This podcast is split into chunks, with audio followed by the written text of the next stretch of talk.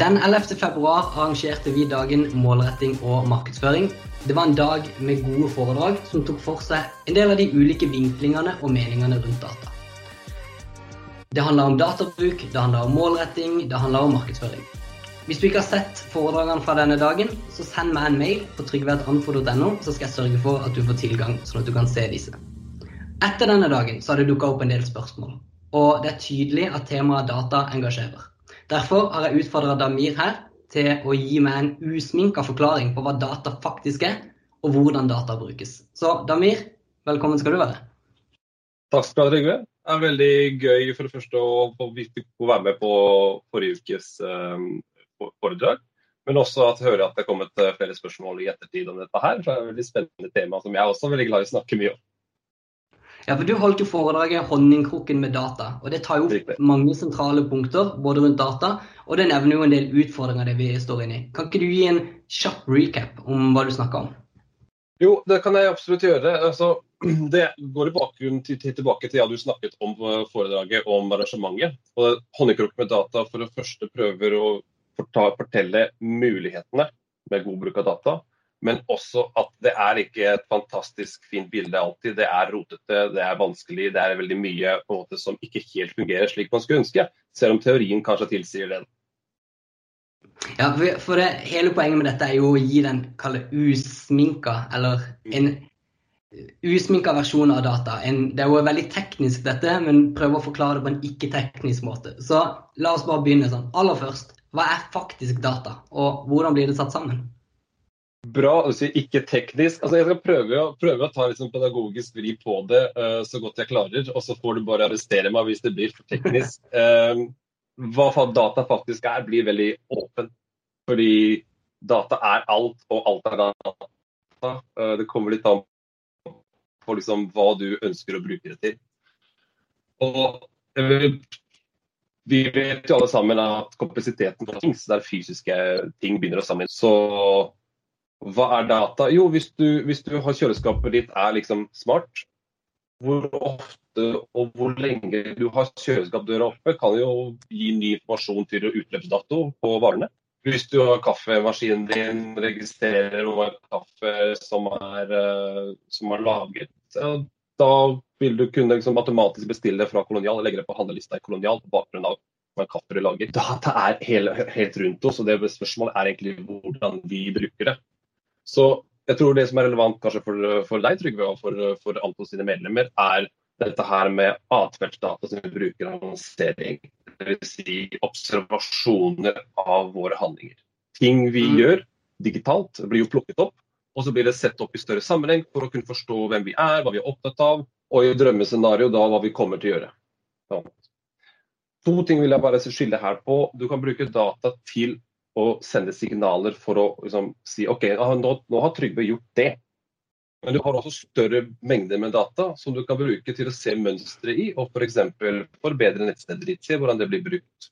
Så Det er litt forskjellige typer type data vi kan bruke på forskjellige måter og forskjellig nytte. Da. Svarte det sånn noenlunde på spørsmålet ditt? Eller, ja, absolutt.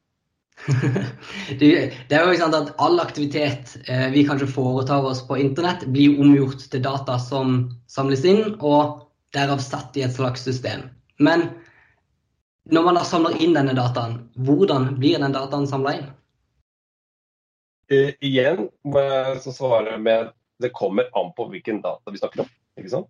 Jeg vet, uh, Du bor også i Oslo, Trygve. Du har kanskje sett disse sensorene som Oslo kommune har satt opp på sykkelstiene? Mm. Hvor mange sykler er det som kjører forbi på sykkelfeltet?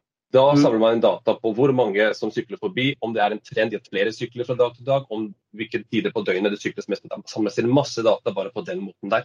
Mm. Så når det kommer til handlingsmønsteret vårt digitalt, så når du åpner et nettsted, en nettside, så roper du på en server og så sier du bare hei, gi meg nettstedet.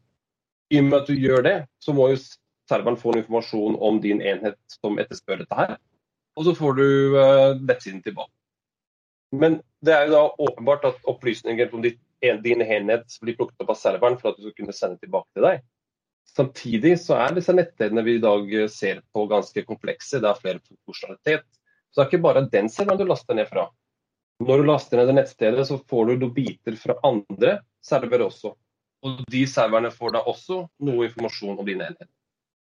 Der er liksom forskjellen mellom det er førsteparts- og tredjepartsdata. Men det er dette her at du har kontakt med andre med din enhet, at vi har knyttet, som gjør at data kan samles inn om deg. Enkelt og greit, da. Hvis du besøker eh, vg.no, så vil VG sin server vite at du har besøkt. Men også andre nettsteder vil også vite at du har besøkt vg.no. Det er den enkle kanskje forklaringen da, på hvordan det samles inn. Du nevner jo servere flere ganger. og Det er jo et ord vi hører mye, særlig når det kommer til lagring av data. Eh, vi hører om lokallagring, vi hører selvfølgelig at data lagres på server, og vi snakker litt om data som lagres i skyen. Kan du si litt om hvordan denne dataen faktisk lagres? Uh, ja, altså det er uh, mange forskjellige måter med tanke på er det data, data er lokalt på din datamaskin. Og så kan det leses av eksterne. Noe data lagres som du nevner da, i, uh, på dataservere. Og veldig mye, alt som foregår i skyen av det verktøy vi bruker, har jo gjerne datasenter et sted. Og så er det grunn til at uh, datasentre er store som mange fotballbaner. ikke sant? Det er fordi det er veldig, veldig store mengder av data. Mye av det blir aldri kanskje nødvendigvis brukt, men det er veldig mye som lagres i tilfelle det, det, det trengs. Så det, altså Se på, på smartklokken du har. da, så Du er ute og løper, og så blir det lagret uh, data på klokken. Men så når du da får tilgang til telefonen din eller til nettverket hjemme, så blir det synket opp til andre steder. Og så plutselig blir data lagret til mange forskjellige datasentre. Nå har jo på at Alle disse store aktørene har jo sine datamodeller, så hvordan det er lagret i dataserveren deres kan jo variere. Hvor mange servere de har lagret på kan jo også variere. Vi vet jo, Jeg skal ikke gå inn på alle disse her uh, Schems GDPR og de tingene der, som legger litt krav på hvor du kan lagre, hvor ofte du kan sende, hvilke type data som kan uh, deles. Vi har vært gjennom det i noen år, og vi kommer til å snakke mer om de tingene der fremover. Men én ting data i hvert fall brukes til, det er markedsføring. Og data blir brukt til å lage målgrupper. Mm. Vi trenger å snakke litt om hvordan da målgrupper blir definert ut fra denne dataen, og gjerne liksom hvordan målgrupper blir bygga. Kan du, kan du fortelle litt om det? Det er egentlig vil jeg si, ganske enkelt spørsmål. Fordi målgrupper bygges jo av hva som helst. Hvis du har besøkt et nettsted, så er du i målgruppen på de som har besøkt det nettstedet. Men du er også i målgruppen på de som ikke har besøkt det nettstedet. Så du, Hver eneste aktivitet du gjør, om du trykker på en knapp, om du uh, leser noe lenge, om du leser uh, er lenge på en side eller leser mye av den siden, alt det blir plukket opp for å forstå ja, ok, men du har lest hele den artikkelen der. Ja, da er du i en målgruppe som ikke jeg er i. For jeg har mm. kanskje klikket meg og så bare forsvunnet fra den siden. Nei, du to forskjellige målgrupper. En som har fått med seg uh, innholdet, en som ikke har fått med seg innholdet hver eneste signal, altså hvor ofte du f.eks. er inne på et nettsted, blir også du er aktiv bruker, en målgruppe. Så alt dette her, at dette målgrupper kan man det bare, de går inn i hverandre, de overlapper veldig mye. De brukes, eh, de brukes som hverandre. Noe av dette her er jo veldig verdifullt med tanke på sånne triggere. At du er i en målgruppe, mm. Eh, og du er mottakelig for en viss informasjon med en gang du gjør en handling, så bare ja, men det er ikke det relevant for deg lenger. Da må du ut av den målgruppen, og da er du inn i en annen målgruppe. Mm. Ofte så overlapper uh, flere ting samtidig, så du blir bare bombardert med, med mange ting. Men målgruppen er veldig enkelt å bygge. Hver eneste bit av informasjon du legger igjen, bruker jeg til å f.eks. Uh, putte deg i en bås. Mm. Ja, for det, det, vi kan egentlig si, er at alle interaksjoner vi gjennomfører, eller da for enkel måte å si alt vi gjør på internett, plasserer oss i en eller annen form for målgruppe kontinuerlig. Mm. Ja, det, det, det, kan du si. Og jeg tror at uh, nå er det stor forskjell på hvordan disse gruppene blir bygd. Fordi, la oss si at jeg er annonsør, og hvordan jeg bygger målgruppene mine på bakgrunn av det dataen jeg har. Mm. Uh, la oss si at uh, f.eks. mediehus, som har ganske mange nettsteder, de kan jo samle inn en del ting fra de forskjellige nettstedene inn i én profil. Med en gang de snakker om uh, login-muligheter, uh, dvs. Si som Facebook og Google, du er innlogget på, de, på, de, nettverkene hele tiden. Og uh, de har jo da mye mer informasjon om deg. Så det er jo riktig at alt du, alt du på en måte foretar deg som blir plukket opp, blir, gjør at du lander i en målgruppe. Men altså, hvilken, hvor stor kvalitet det er på den um, informasjonen om at du er i målgruppen, det må man alltid stille spørsmål ved. Igjen da, sant? Er det du som er besøker, eller er noen andre som bruker den enheten som du besøker med? Mm. Når vi ser og snakker om målgrupper, så det er jo alltid en populasjon i en målgruppe. Vi får vite hvor mange brukere det finnes, hvor mange personer som er i denne målgruppa osv. Eh, hva er egentlig en person i en målgruppe? Det vi ofte kaller som unike brukere. Ja, jeg tror, jeg tror her må vi bli tekniske, da. Eh, ja. Fordi det handler litt mer om hvordan disse systemene fungerer. Uh, la oss si sånn. Jeg nevnte i stad når du besøker et nettsted. Sant? så blir du uh, får du da en cookie lagret fra, fra nettleseren din. Så egentlig, det enkle, enkle, svaret er oftest er en unik bruker en unik cookie. Mm. Men det er din nettleser som setter cookien. Så hvis du surfer på mange sider, så blir det lagt cookie fra forskjellige sider. Og noen av de sidene setter flere cookies. Og noen av de sidene har flest tredjepartscookies, slik at de får et større bilde av måte, din, din uh, det er dette her som på en måte er hele, hele tiden spørsmålet er hvor store og hvor på en måte detaljerte profiler kan de bygge om hver person. Men igjen, mm. dette er på bakgrunn av cookies på din uh, datamaskin. Hvis du åpner en annen nettleser, så vil den nettleseren ikke kunne lese av de andre cookiesene, så de setter egne cookies. Så da er det plutselig to brukere to nettlesere. Mm. For ikke å snakke om hvis du åpner uh, nettleseren med inkognito-modus, da er jo leseren heller ingen cookies, så da er det på en måte plutselig en tredje unik cookie. Og så selvfølgelig har mobiltelefon og tablet og jobb-PC osv. Så, videre, så eh, en unik bruker er primært en unik cookie, og det kan det være veldig mange av. Vi bruker mange enheter. Eh, så er jo den der delen når du da eh, logger inn på steder. Så mm. vil jo alle disse cookiene her bli knyttet opp til en eller annen bruk. Så når du logger inn, selvfølgelig, så sier du at det er meg. Og da er mobiltelefonen og PC-en og tabletten din logget inn. Kan, men det er ikke alle nettverk som kan plukke opp det. ikke sant? Mm. Facebook, Google og de, mange av de store som man logger inn på flere devices, de kan jo se sammenhengen og helheten til deg som bruker. Er det et greit svar? Ja, jeg, du er én unik bruker, og du har mange unike brukere samtidig. Ja, for det akkurat det. fordi siden der, På desktop så gjør jeg på en måte, og på denne så gjør jeg kanskje noe helt annerledes. Kan man da si f.eks. at hvis jeg kjøper aksjer jeg sitter, Det jeg gjør på desktop, jeg kjøper aksjer, jeg leser Finansavisen, DN, eh, jeg er inne på analyser. Det er egentlig hovedsakelig det jeg bruker desktop til, utenom da e-post og jobbting. Mens på mobilen så er jeg på sosiale medier, jeg ser video på YouTube, Eh, jeg har en helt annen profil der enn jeg har på desktop. Men jeg er jo samme person, eh, både på, på måten jeg gjør, bare for dette er jo interesser som bygges på. Hvor store er de feilkildene som kan si liksom, og både klare å identifisere meg som person, men da hvor store er feilkildene for at det ikke er to helt forskjellige personer som sitter fordi jeg bare bruker to forskjellige devices? Ja. Først må man akseptere at uh, det er aldri 100% korrekt informasjon her. Det vil alltid være feilmargin, selv når du bruker flere datakilder. Og så har du selvfølgelig, Derfor vil vi kalle data er ferskvare. Fordi de aktivitetene du gjør der og da, kan jo uh, brukes for å, påvirke deg eller treffe deg med noe, med noe budskap der. For som du sier, da, du er i et modus, og da er du mottagelig for visse ting. Mm. Og når du, når du, er på, på jobb, så er det en annen fokus. Da er du opptatt av andre ting. Så Naturligvis, når du er på jobb, så blir du kanskje, surfer du på nettsteder som er relevant for innkjøp av, uh, til jobben din. Om det er kontormøbler eller hva det skal være.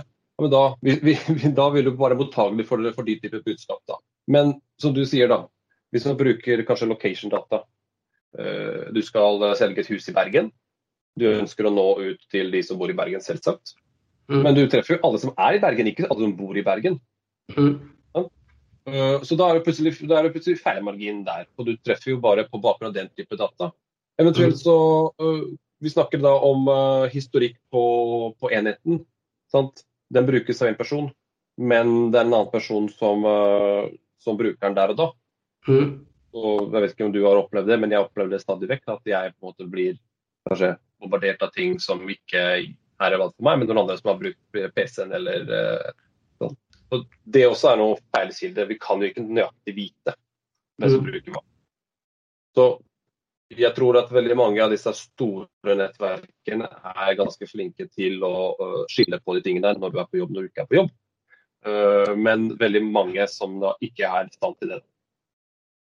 Ja, for På en måte så kan vi da si at det er både hensiktsmessig kanskje at jeg har to profiler. At jeg er to personer. For da til syvende og sist kan jeg rett og slett få mer relevant eh, markedsføring eh, av den eh, pga. den modusen jeg er inne i enn at alt skulle bli kombinert samtidig. For da hadde jeg plutselig fått kall det mobilrelevant innhold mens jeg sitter og ser på aksjer, eh, og vice versa. Og nå kan dette sørge for at jeg får da aksjerelatert innhold på desktop, og da eh, videoanbefalinger som er riktig for meg på mobilen, f.eks. Mm, mm. Absolutt. Jeg tror at uh, i de fleste tilfeller så Jeg også bruker jo visse apper på telefonen veldig, veldig mye. Mm. Og min aktivitet der er gjenspeiler hva jeg er mottagelig for på mobilen. Mm. Vet, mange av oss har egentlig ikke to PC-er i dag heller, men vi bruker den samme PC-en både til privatting og til, eh, til jobb. Mm. Så det er eh, Og igjen, da. Det blir disse målgruppene, disse profilene som blir bygget, de er aldri 100 korrekte. Men det er viktig å huske på at du har aldri i én målgruppe, du har aldri én profil, du har veldig mange. Og så er det noen som er mye mer tydeligere i sin bruk av uh, enheter enn kanskje du er. Som mm. liksom flyr, flyr fra jobb til, uh, til I hvert fall på hjemmekontor. Da, flyr fra jobb til, uh, til, hjem til jobb til hjem liksom fem ganger i løpet av en dag. Ja. Sånn. Så jeg tror også at uh, i de tilfellene der så blir jo det at vi er mottagelige for både jobb og private ting hele tiden, så lenge vi kan identifiseres via vår device.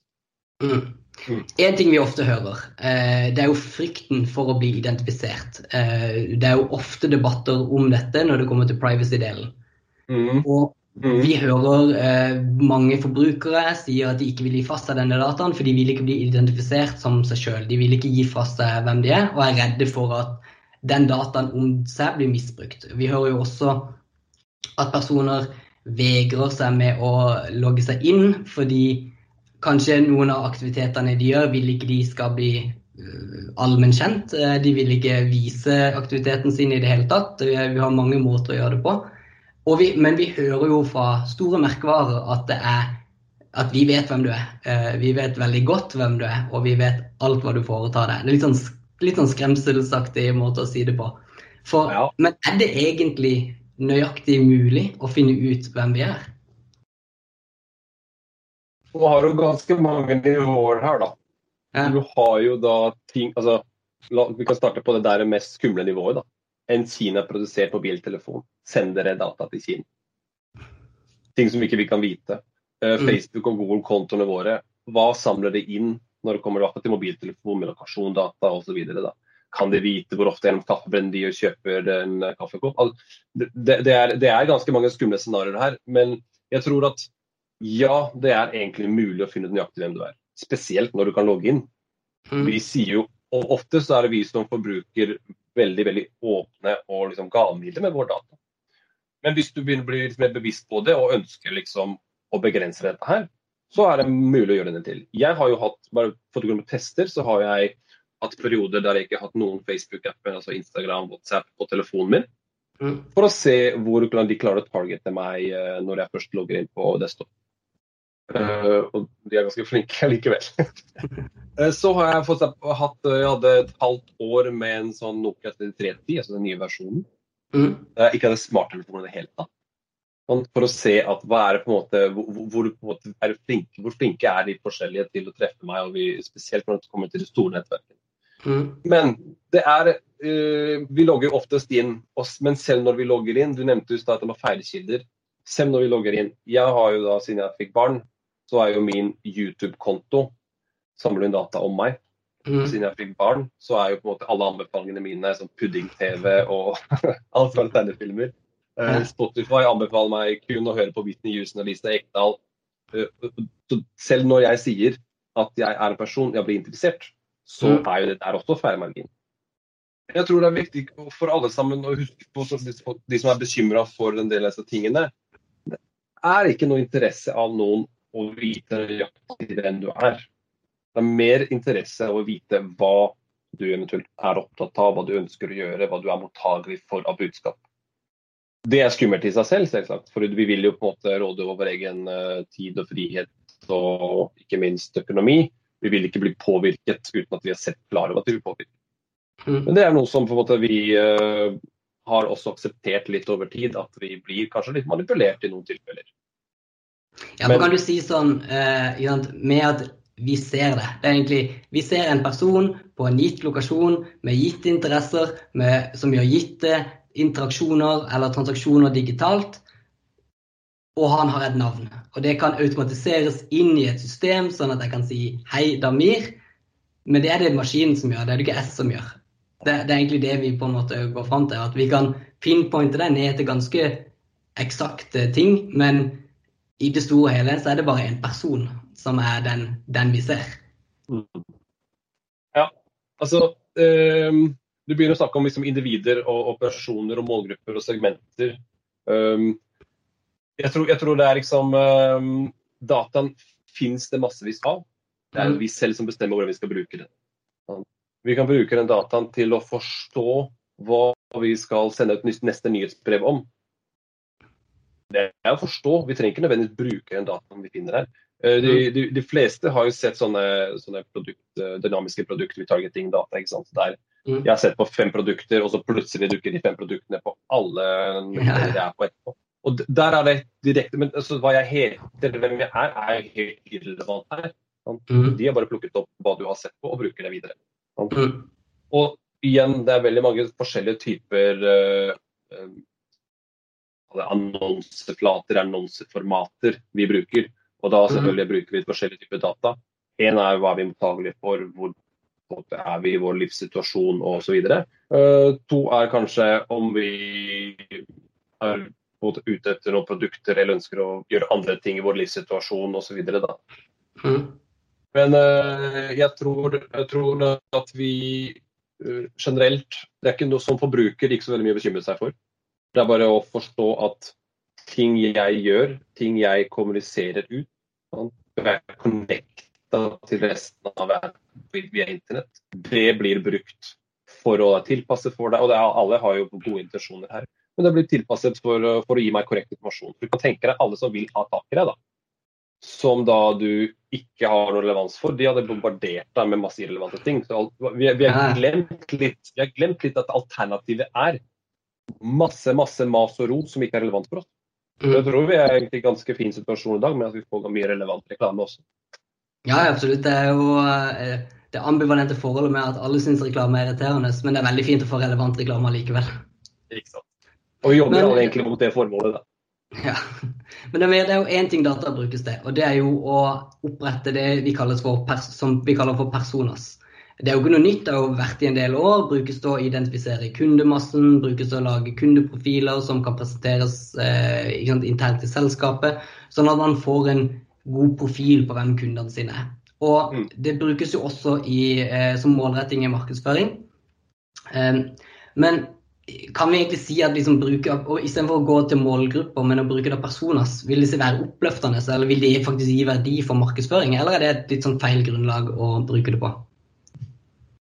Det kan, være fare for å gå inn i sånn terminologidiskusjon her. Mm. Eh, noen tenker på persona som målgrupper uh, som det samme, og noen skiller på det. Jeg får bare gitt i mitt perspektiv. Mm. Uh, målgrupper, sånn som vi snakker om at det er jo datamaskiner som bygger for oss sånn, på bakgrunn av en del informasjon. Uh, når det kommer til persona, så er det ja, noen av samme informasjon. Og så hvis vi tar noen ting fra CRM-systemet sånn, for å få vite litt mer om hvem er personen vi snakker til. Jeg mener at personas er veldig verdifullt i markedsføring, men mot å forstå hvem de er og hvordan vi skal kommunisere til den gruppen. Mm. Men du, hvis du kommer med personas uh, profil, da, uh, opptatt av uh, tur i skogen og slike ting, jeg vet ikke, forskjellig fra, fra selskap til selskap hva de legger i personas. Du kan ikke gå til, um, til VG kjøpe annonser mot personas. Der er det heller på en måte noen punkter derfra som er viktig for å mm. snevre inn. Eh, så er det noen profiler som, eh, Google og Facebook som vet nøyaktig hva vi er opptatt av i newsfeeden, eller nøyaktig hvilken uh, YouTube-film vi ønsker å se på. De klarer å forstå våre interesser også. Der er det mm. mulig noen ganger å bruke personas-profilen til, til, å treffe. En viktig, ting, en viktig distriksjon mellom de to tror jeg, er at hvis du gjør en handling akkurat nå mens du snakker med meg, så klikker du på en knapp på en nettside. Mm. Da har du havna i en målgruppe. Mm. Men personasen din er jo helt lik. Ja, og sånn sett så har jo målgrupper mye på en måte som sånn, bruker ferskere data til å uh, sørge for at budskapet blir riktig. Og så ville jeg brukt personas til å forstå kunden og til å liksom, snakke deres språk osv. Og det er, det er selvfølgelig temaet går an å diskutere videre på. Det er veldig veldig interessant. Ja, helt Helgard, og det er jo akkurat det. Dette er et tema vi kan snakke mye om. Eh, og vi kunne sikkert sittet her i flere timer og stilt opp. Eh, og nå har det jo vært, Dette er jo de spørsmålene som kom inn i etterkant av dagen vi holdt. Så Damir, jeg vil bare si tusen takk som stilte opp på dette intervjuet. Og noe av det som jeg vet eh, er noe vi ikke har tatt opp her, men det var jo, det var jo den sant, eh, diskusjonen som også går nå, med rasjonell versus emosjonell data. Eh, det får vi ta neste gang, og det er jo en diskusjon jeg også gleder meg til. Det blir veldig spennende. Jeg kan anbefale en, en bok som heter Predictably Irrational, som snakker veldig mye om de tingene. Ofte så er begge de tingene mye det samme. Så det er et veldig, veldig spennende tema. Takk skal du ha, Trygve. Tusen takk for at jeg fikk eh, være med. Jeg håper eh, de som eh, får med seg dette her, hadde nytte av det. Og hvis det er noen ting som er mer sant enn annet, så kan vi ta en ny. Kjempebra. Takk for meg. Helt klart. Tusen takk skal du ha, Damir.